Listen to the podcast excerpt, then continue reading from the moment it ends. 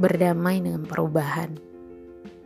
Pada akhirnya, semua manusia harus belajar berdamai dengan perubahan.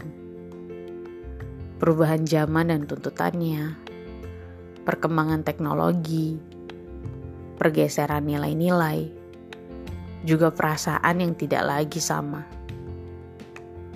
Tidak ada perubahan yang mudah untuk dihadapi.